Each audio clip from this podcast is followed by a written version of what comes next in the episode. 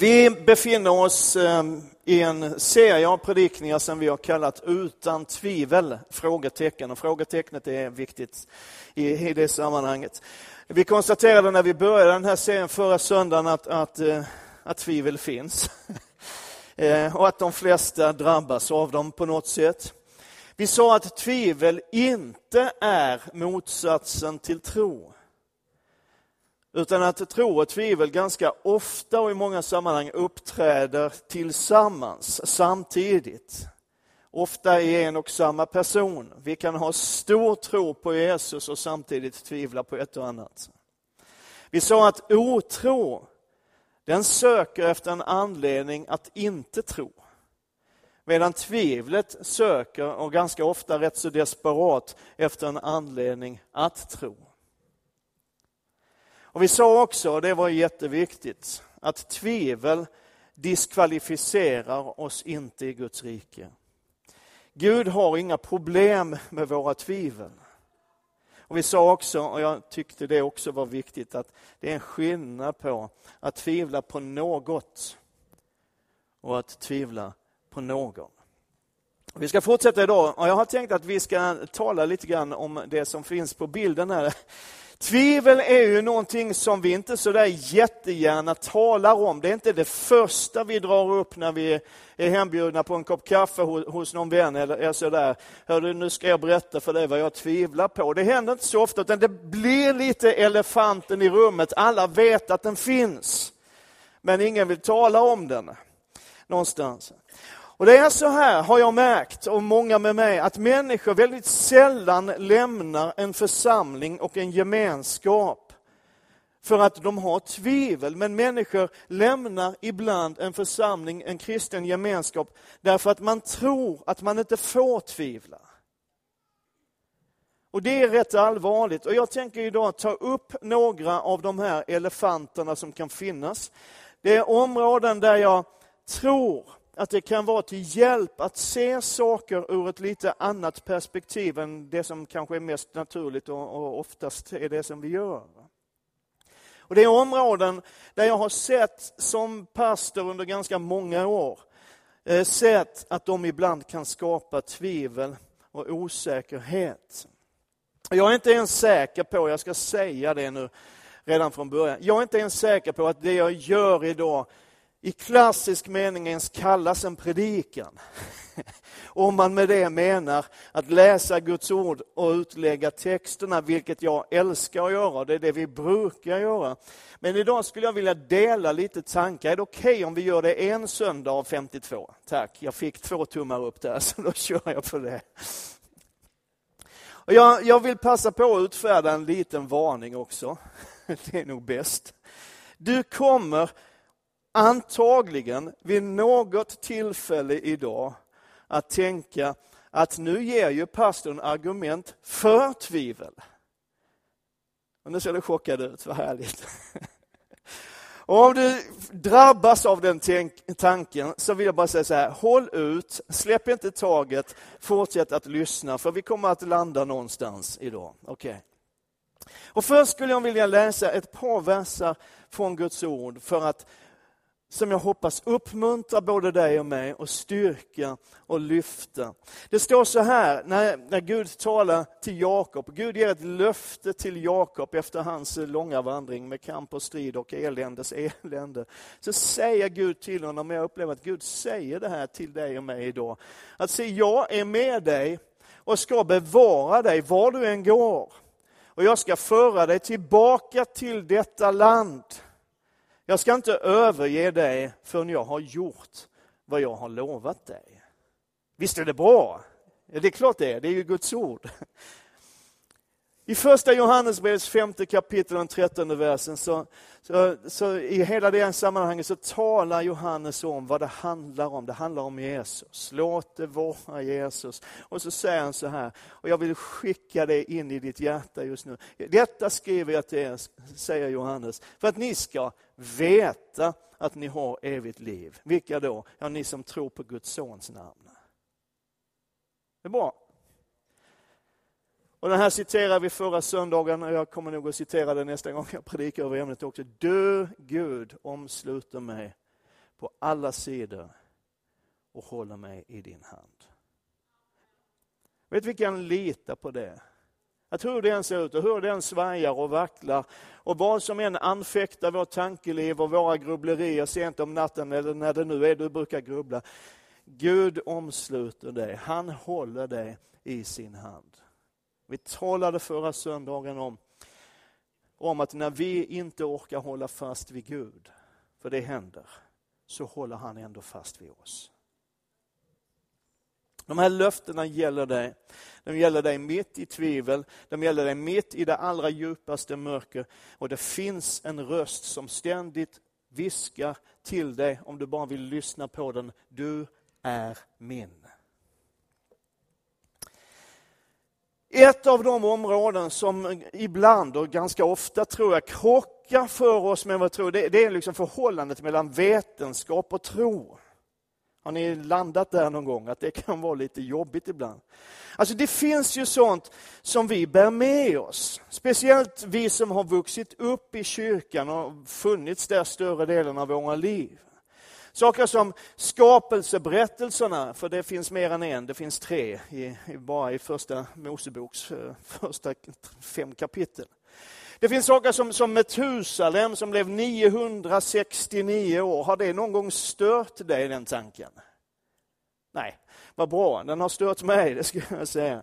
Eller sånt här som dateringen av jorden, hur gammal är den här världen egentligen? Eller Noas ark och det som Bibeln beskriver som en världsomspännande över hela världen översvämning som dödar allt liv. Och en del av det som vi bär med oss, och som vi har fått med oss, vi som har vuxit upp i kyrkan, fått med oss från barnsben, från söndagsskolan och vidare genom livet, står inte uttryckligen i Bibeln. Men det har predikats och förkunnats och nämnts så många gånger så att vi nästan har kommit att tro att det står där. Det är vad Bibeln säger. Som till exempel den här undervisningen om att jorden är maximalt 10 000 år gammal. Och människan skapades för 6 000 år sedan. Det finns de som utan att tveka predikar om att Bibeln lär att människan är 6 000 år gammal, har funnits i 6 000 år. Det är inte jättevanligt i Sverige, men det finns här också. Jag har mött det vid mer än ett tillfälle. Och det, det, men, men utöver världen så kan man på fullt allvar slå fast att Bibeln lär att människan har funnits i 6000 år. Och jag är inte helt säker på, om jag nu ska vara ärlig, jag är inte helt säker på att, att man kan säga att det är Bibelns lära. Att det är vad Bibeln säger. Men det är så att någon har räknat ut utifrån de fakta som man menar föreligger med släkttavlor och vissa tidsangivelser, att det skulle kunna vara så. Men att säga att det här är vad Bibeln lär, det är att ta i rätt ordentligt. Jag vill bara, det var en parentes. Men det är klart att det någonstans krockar när man sen får höra att den allmänna uppfattningen, att vetenskapen på något sätt har kommit fram till att jorden är 4,5 miljarder år så blir det en differens där. Jag vet inte om du upptäcker den och tycker att den är särskilt stor. Jag tycker att den är rätt omfattande, den differensen. Eller att man har hittat skelett av Homo sapiens, alltså människan, som enligt de dateringsmetoder som används verkar vara åtminstone 300 000 år gamla. Det krockar. Eller hur? Och om det inte krockar för dig så beror det på att det är så sjukt länge sedan du gick i skolan och mötte det här varenda dag. Eh, så du behöver föryngras i din ande så att du fattar vad jag pratar om. Hur förhåller man sig till sånt här? Det finns en judisk rabbin, bor i London och verksam i London som heter Jonathan Sachs. Och han har sagt så här, och jag tycker det här är så bra formulerat. Vetenskapen plockar isär saker för att se hur de fungerar. Men religionen eller tron sätter samman dem för att förstå vad de betyder. Och Jag tror det är viktigt att förstå skillnaden på tro och vetenskap och att det kan finnas en hjälp för oss i tron att förstå att det är en skillnad på tro och vetenskap. Därför att tro och vetenskap närmar sig tingen från olika perspektiv. De har olika mål, ställer olika frågor.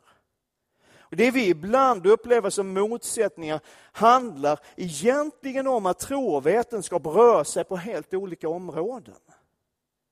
Vetenskapen söker fakta som på något sätt går att belägga. Medan tron rör sig i en helt annan sfär. Tron sysslar med saker som är större än det som är inomvärldsligt. Tron behöver inte den typen av vetenskapliga bevis. Därför tron vet någonting i alla fall. Och ta det här med skapelseberättelsen, eller skapelseberättelserna, så är det ju helt enkelt så här, det här är min absoluta övertygelse, att Bibelns skapelseberättelse försöker inte berätta hur och när Gud skapade världen och människan, utan varför. Och det är en enorm skillnad på det. Vad var syftet? Låt oss göra människor till vår avbild, till att vara oss lika. Alltså, Bibeln talar om varför Gud skapade. Inte exakt hur det gick till, i vilken exakt ordning. Det är inte det som är syftet med Bibelns skapelseberättelse. Men tron handlar till väldigt stor del om sånt som inte rent strikt akademiskt och vetenskapligt låter sig bevisas. Jag tar ett exempel. Jag, jag, vet inte hur många gånger som jag har fått frågan liksom när man har haft skolklasser på besök i kyrkan som ska ställa frågor till pastorn. Eller lite äldre skolungdomar, gymnasieungdomar som gör sina specialarbeten. Eller också för den delen i samtal med människor lite var som helst. Kan du bevisa att Gud finns? Har du fått den frågan någon gång? Är det någon som har lyckats? Alltså svaret på den frågan är hur enkelt som helst. Kan du bevisa att Gud finns? Nej. Det kan jag inte. Men Bibeln säger att det är i honom som vi lever, rör oss och är till. Vad betyder det?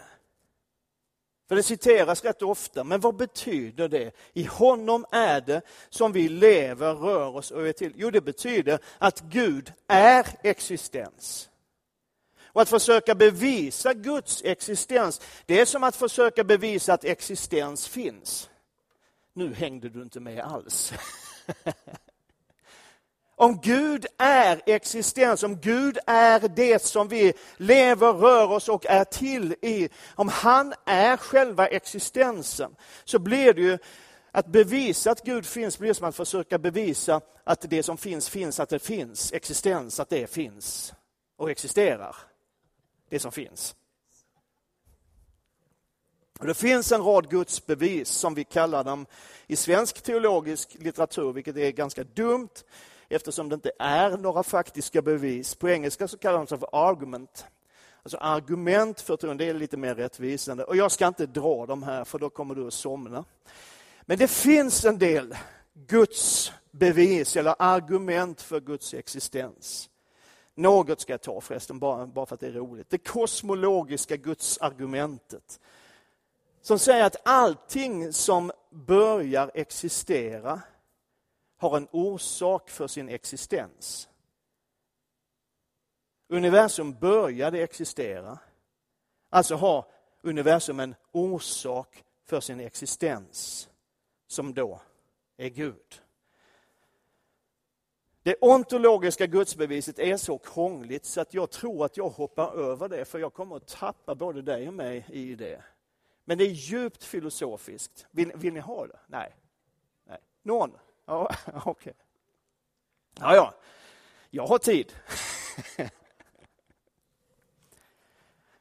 Alltså enligt det gudsbegrepp som är allmänt bland människor så har vi svårt, det är omöjligt för oss att, att tänka oss någonting som är mer fulländat och fullkomligt än Gud. Det ligger i själva gudsbegreppet som vi människor bär. Det finns inget som är mer fullkomligt och fulländat än Gud. Om man då antar att Gud inte existerar så är det ju en sorts ofullkomlighet hos Gud. Jag sa van är, jag sa att vi inte skulle ta det här. Då är det ju någonting som inte är fullkomligt med denne Gud, nämligen det faktum att han inte finns. Det får man säga, det är lite ofullkomligt. Och Det betyder att då kan vi föreställa oss någonting som är mer fulländat än Gud. Alltså någonting som har alla Guds egenskaper, förutom då att det inte finns. Och det strider ju mot begreppet Gud som rent definitionsmässigt är det mest fullkomliga som finns. Alltså måste Gud existera. Vi kan ta det privat sedan en stund om du, om du vill. Det finns no några fler, det teleologiska gudsbeviset, som menar att allting som vi ser, hela skapelsen, den är så komplex. Det är så, så detaljerat, så invecklat, så märkligt och fantastiskt att det kan inte ha uppkommit rent slumpmässigt eller en olycka. Alltså att världsalltet någonstans med sin komplexitet måste ha blivit skapad av någon som är känslomässig, som har ett intellekt och som är vis och som har ett mål med sitt, med sitt skapande. Och Gud är ju just sån, så därför borde Gud existera. Sen finns det moraliska, nu tog jag dem ändå, det moraliska gudsargumentet. Alltså det gemensamma, det är ju ganska märkligt. Om det inte finns en högre auktoritet än människan, så är det ganska märkligt att de allra flesta människor över hela jorden och i stort sett i alla tider har en gemensam etisk kod om vad som är rätt och vad som är fel. Var kommer den ifrån? Och så vidare. Det här kan man hålla på och fundera på, det finns många fler scenarier. Och grejen är att det går att hitta invändningar mot alla de här argumenten. Det gör det.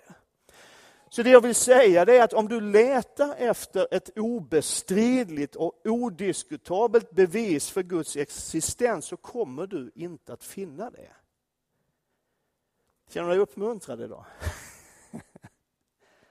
Men, här är grejen. Men om du söker efter ledtrådar, om du söker efter fingeravtryck, tecken eller som Paulus uttrycker det, vittnesbörd om Gud, så finner du väldigt, väldigt många.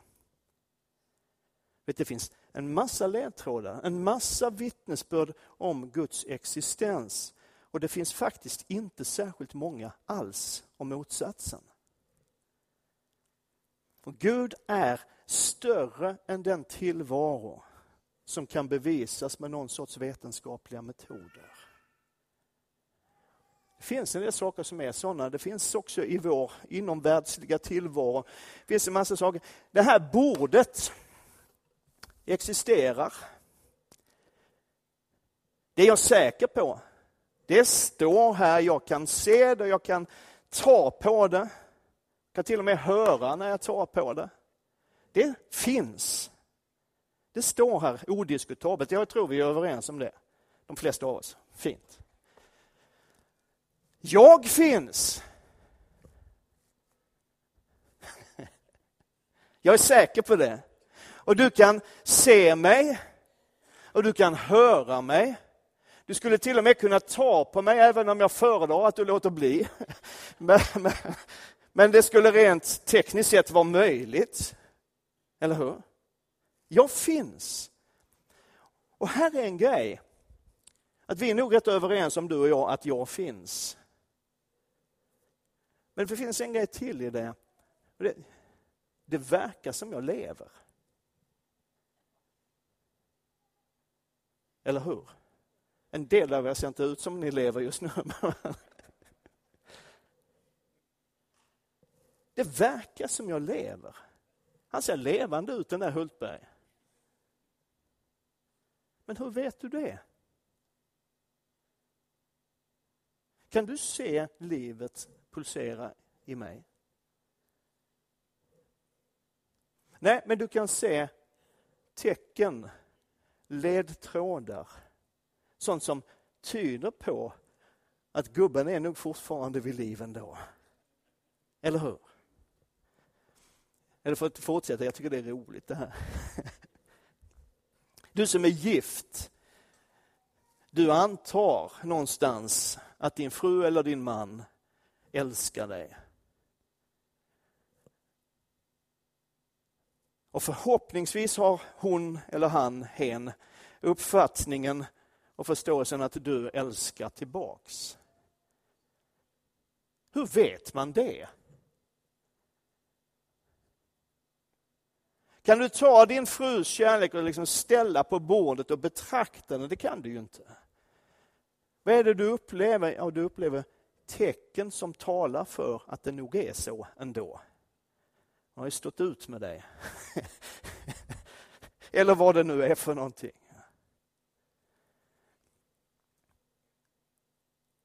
Du ser spåren. Du upplever tecknen. Du upptäcker då och då, förhoppningsvis, avtrycken. Det är någonting som talar för att det är så. Och här är poängen att livet med Gud är en relation. Du vet att han finns där. Inte för att du kan se honom påtagligt fysiskt, men du vet det därför att du ser spåren. Du ser och upplever tecknen. Du upptäcker då och då avtrycken. Det finns en Gud som har en hand med i mitt liv.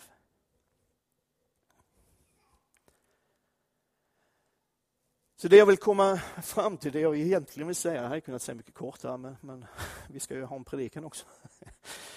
Att vetenskap och tro rör sig i olika sfärer. De ställer olika frågor och därför kommer de också till olika svar. Och det kan krocka. Men det kan ibland vara vettigt och jag skulle vilja uppmuntra dig till det om du har svårt med en del av de här grejerna. Att fundera på, vad är det jag måste tro för att vara en kristen? Finns det någonting som jag måste tro för att vara en kristen? Och i så fall, vad är mindre väsentligt? Och Bibeln är jättetydlig. Jag ska bara ta ett enda bibelställe. Om du med din mun bekänner, Romarbrevet 10 och 9, om du med din mun bekänner att Jesus är Herre och i ditt hjärta tror att Gud har uppväckt honom från de döda, ska du bli frälst. Och det finns en mängd bibelställen, vi läste ett alldeles i inledningen här också. Det finns en mängd bibelställen som säger samma sak. Att det som leder till frälsning, det som gör dig till en kristen är tron på Jesus. Inte en övertygelse om hur gammal jorden är eller hur allting skapades eller var allting kommer ifrån och alltihopa det där.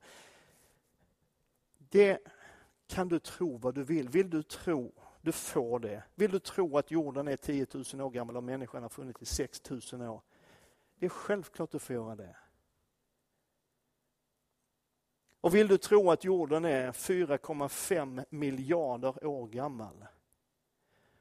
Och att Gud skapade den här världen med en Big Bang som sedan ledde till det ena efter det andra. Tror du det? Det som det handlar om Återigen, låt det vara Jesus.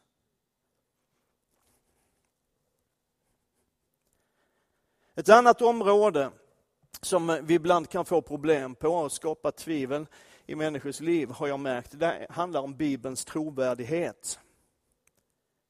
Vi bygger vår tro på Guds ord, på Bibeln. Och så börjar man fundera över det och fundera på hur kan jag veta att Bibeln är sann? Om man vet att det är 40 författare som under en tidsperiod på nästan 1600 år har skrivit det som vi kallar för Bibeln. Hur kan en sån sammanställning av skrifter vara Guds ord? Hur kan vi veta att det här är sant och att det här är Guds ord? Och mer än en gång så har människor sagt till mig i olika sammanhang att ni kristna, och speciellt ni karismatiska pingstvänner, ni säger att Bibeln är Guds ofelbara ord.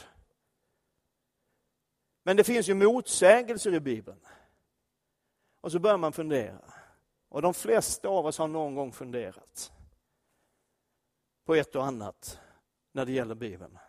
Tror jag, men vi brukar inte prata om det så ofta. Men, men nu gör jag det i ditt ställe. Jag har ju aldrig tvekat, men du skojar med det. Alltså själv har jag ett problem med uttrycket, ska jag erkänna det. Jag har ett problem med uttrycket att Bibeln är Guds ofelbara ord. Därför att om man säger att Bibeln är Guds ofelbara ord så måste man i så fall också bestämma sig för vilken Bibel. Vilken Bibel är det som är Guds ofelbara ord? För det finns hur många bibelöversättningar som helst. Och om du kollar på några stycken av dem så kommer du att upptäcka att det finns skillnader mellan olika översättningar. Ibland är de rätt stora. Och man ska också komma ihåg, och det är nu jag tänker att nu börjar han fundera på, nu predikar han för tvivel. Jajamän. ska komma ihåg att en översättning är just en översättning. Om man översätter Gamla testamentet idag från hebreiska så är det inte en översättning av den hebreiska som talas idag. Utan det är en översättning av den hebreiska som talades för 3000 år sedan och skrevs för 3000 år sedan. Och översätter man Nya testamentet från grekiska så är det inte den grekiska som talas idag, utan det är den grekiska, grekiska som talades och skrevs för 2000 år sedan. Och man behöver bara ett ögonblick fundera över hur det svenska språket har förändrats under de senaste 200 åren. För att inse att här föreligger någon sorts svårighet.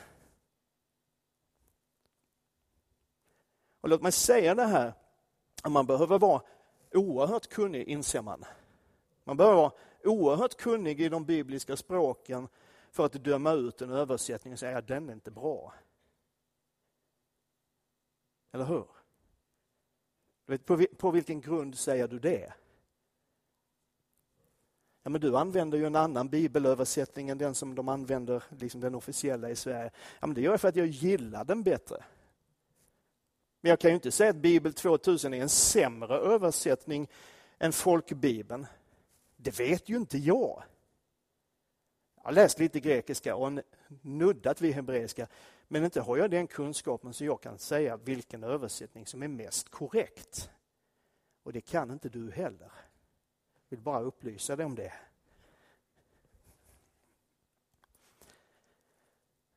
Jag har själv suttit med i seminarier, ibland där föreläsare har försökt bevisa Bibelns trovärdighet. Och så gör man ett påstående, Bibeln är sann. Och sen ska man ge skäl för att Bibeln är sann. Och ett av de skäl som då ganska ofta kommer upp är det som man kallar för Bibelns vittnesbörd om sig själv. Alltså Bibeln är sann för att den säger att den är sann. Är du med nu? Men vänta lite då, då måste man tro på att Bibeln är sann för att kunna använda den som bevis för att den är sann. Det kallas i alla akademiska sammanhang där jag har rört mig för en cirkelreferens. Det är inte tillåtet. Så kan man inte göra. Och ibland använder man Jesu vittnesbörd om skriften som ett bevis för att skriften är sann. Men det Jesus säger om skriften står ju i samma skrift. Är du med? Jag försöker problematisera lite grann här. Så hur kan man då veta att Bibeln är sann och håller att bygga sitt liv och sin tro på? Svaret på den frågan är, det kan du inte.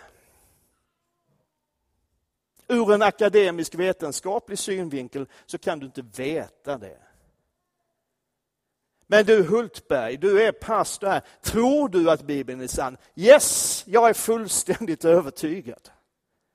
Helt övertygad om att hela Bibeln är Guds ord, att den är sann i allt vad den lär. Helt övertygad. Och det finns skäl för att jag tror det.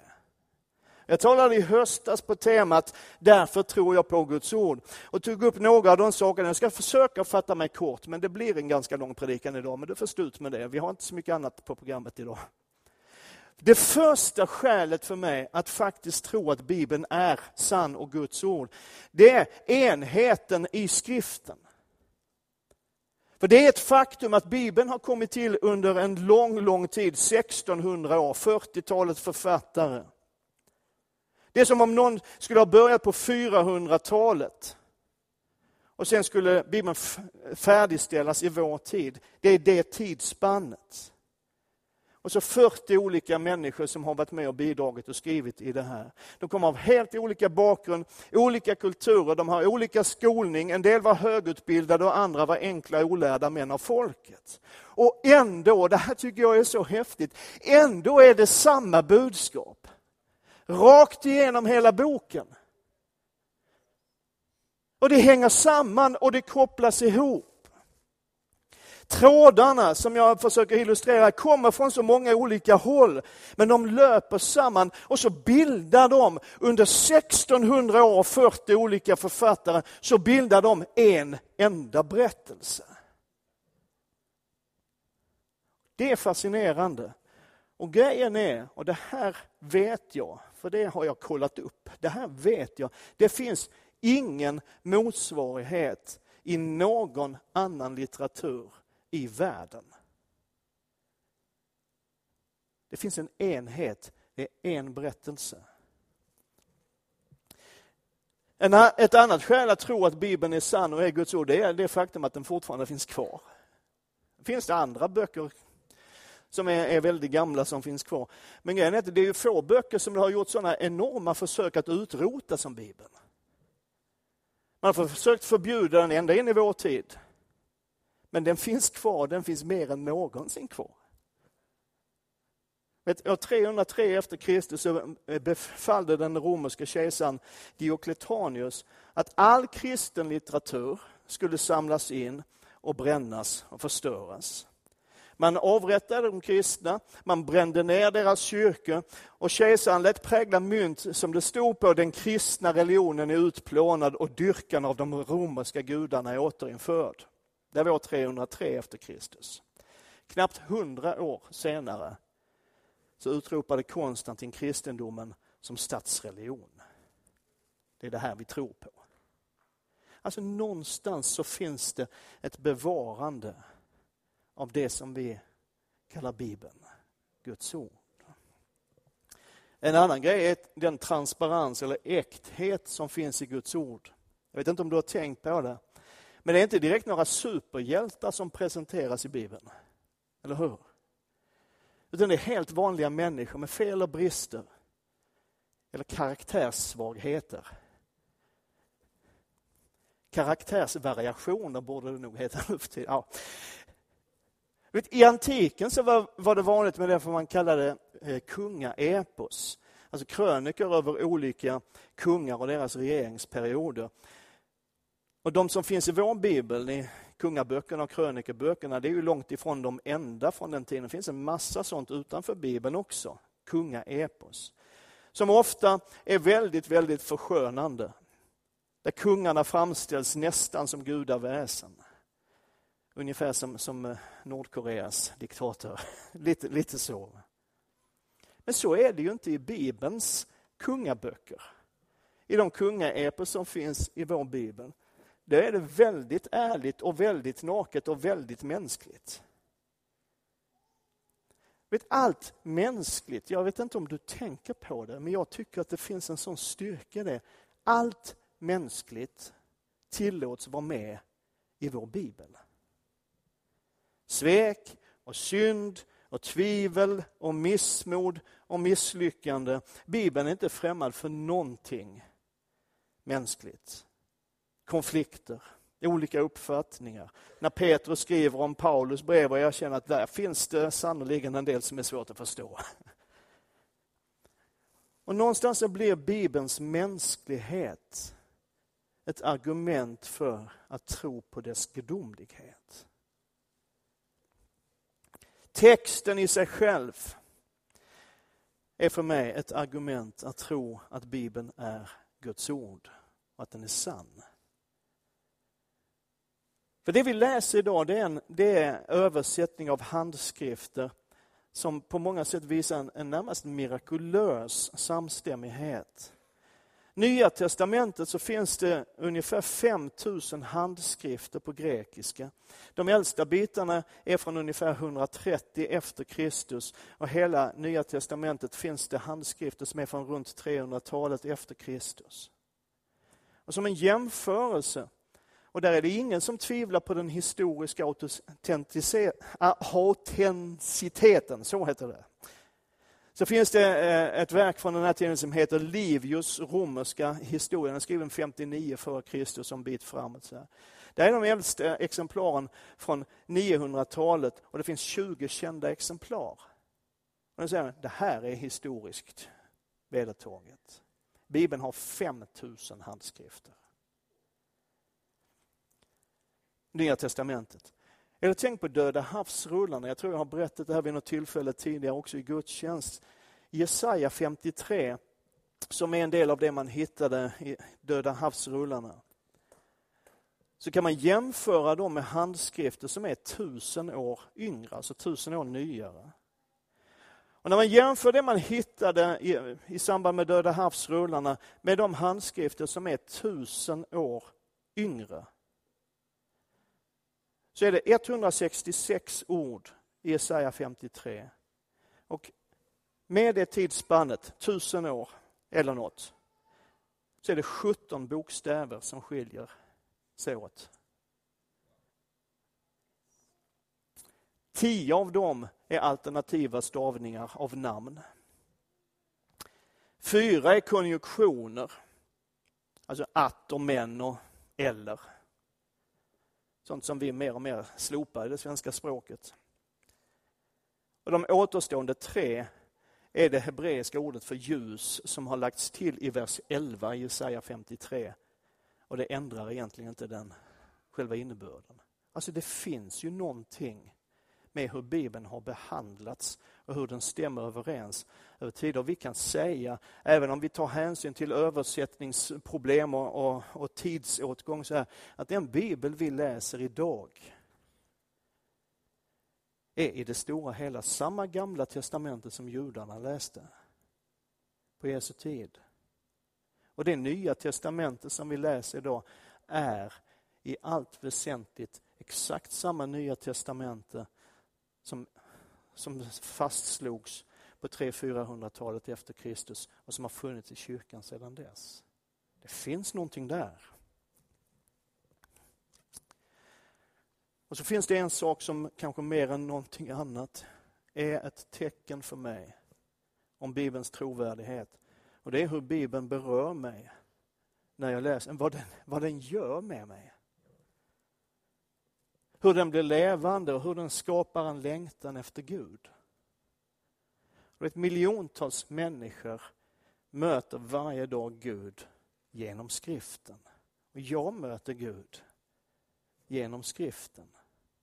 Och Det sätt på vilket Guds ord borrar sig in i mitt innersta, hur det visar på nåden och hur det visar på Jesus, det är för mig det allra största och viktigaste beviset på att Bibeln är Guds ord. Det är som John Stott, teolog och förkunnare, uttrycker det. Gud talar än genom det han har talat. Så vi kan inte strikt vetenskapligt akademiskt bevisa Bibelns trovärdighet. Men det finns tecken, det finns spår, det finns avtryck av en Gud som har vakat över sitt ord. Och nu är det så här att jag har en punkt till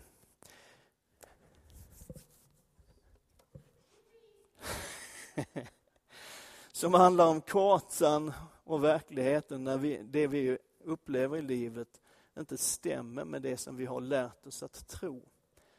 Men när jag gick igenom min predikan i morse så insåg jag att det här blir väldigt långt.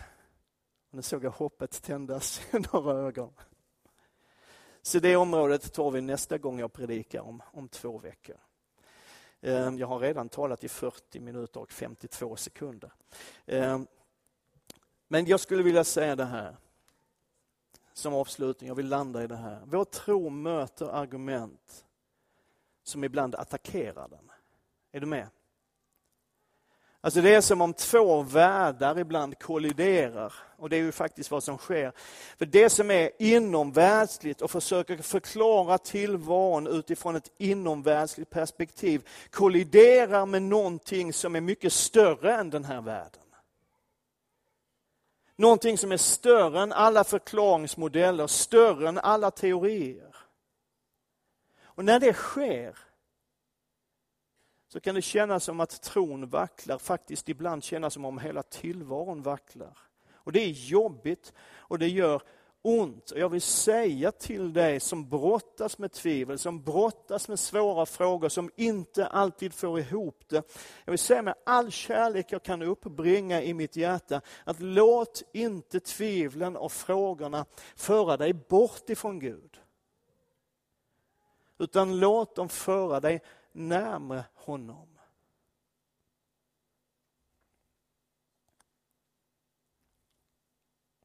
För livet med Gud är en relation. Det är en relation i kärlek. Och sådana relationer låter sig inte alltid förklaras, de bara är. Jag vill säga till dig, vila i att han bär dig. Och vila är att när du inte riktigt orkar hålla fast vid honom så håller han fast vid dig. Och vila är att vad som än händer och vad du än brottas med så är du oändligt älskad av honom.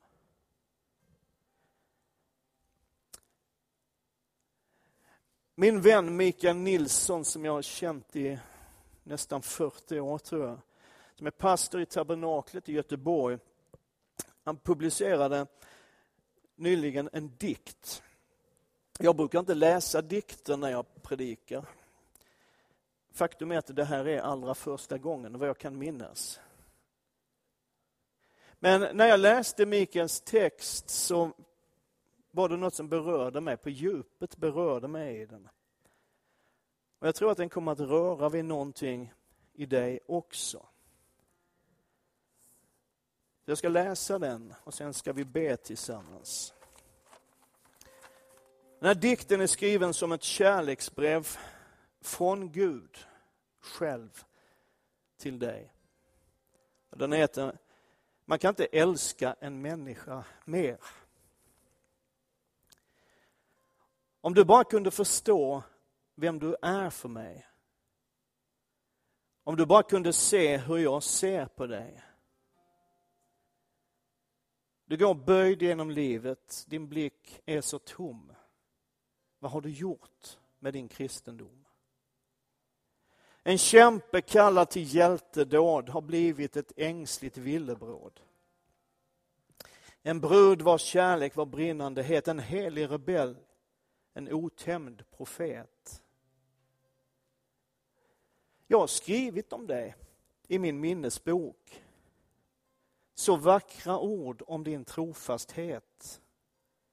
Hur du tyngdes ner av sorgens ok men flydde till mig i din maktlöshet. Du ska inte tro att jag har glömt vad du gjort. Det du sa var litet, för mig var det stort. Jag har sparat var bön. Jag har sparat var sång. Jag tar fram dem ibland. Jag blir glad varje gång. Om du bara kunde förstå vem du är. För mig är du helig. För mig är du kär. Om du bara kunde förstå vad jag ser. Man kan inte älska en människa mer. Din krökta rygg och din nedtyngda själ. Mitt barn, det är nog. Res dig upp. Ta befäl. Slå dig loss, kapa banden, lyft din blick, du är fri. Du är redan allt som du en dag ska bli. När ondskan är stark och när du är för svag, kom ihåg jag är hos dig. Större är jag. Lägg bort all din strävan och bli det du är. En kristen, en människa som jag håller kär.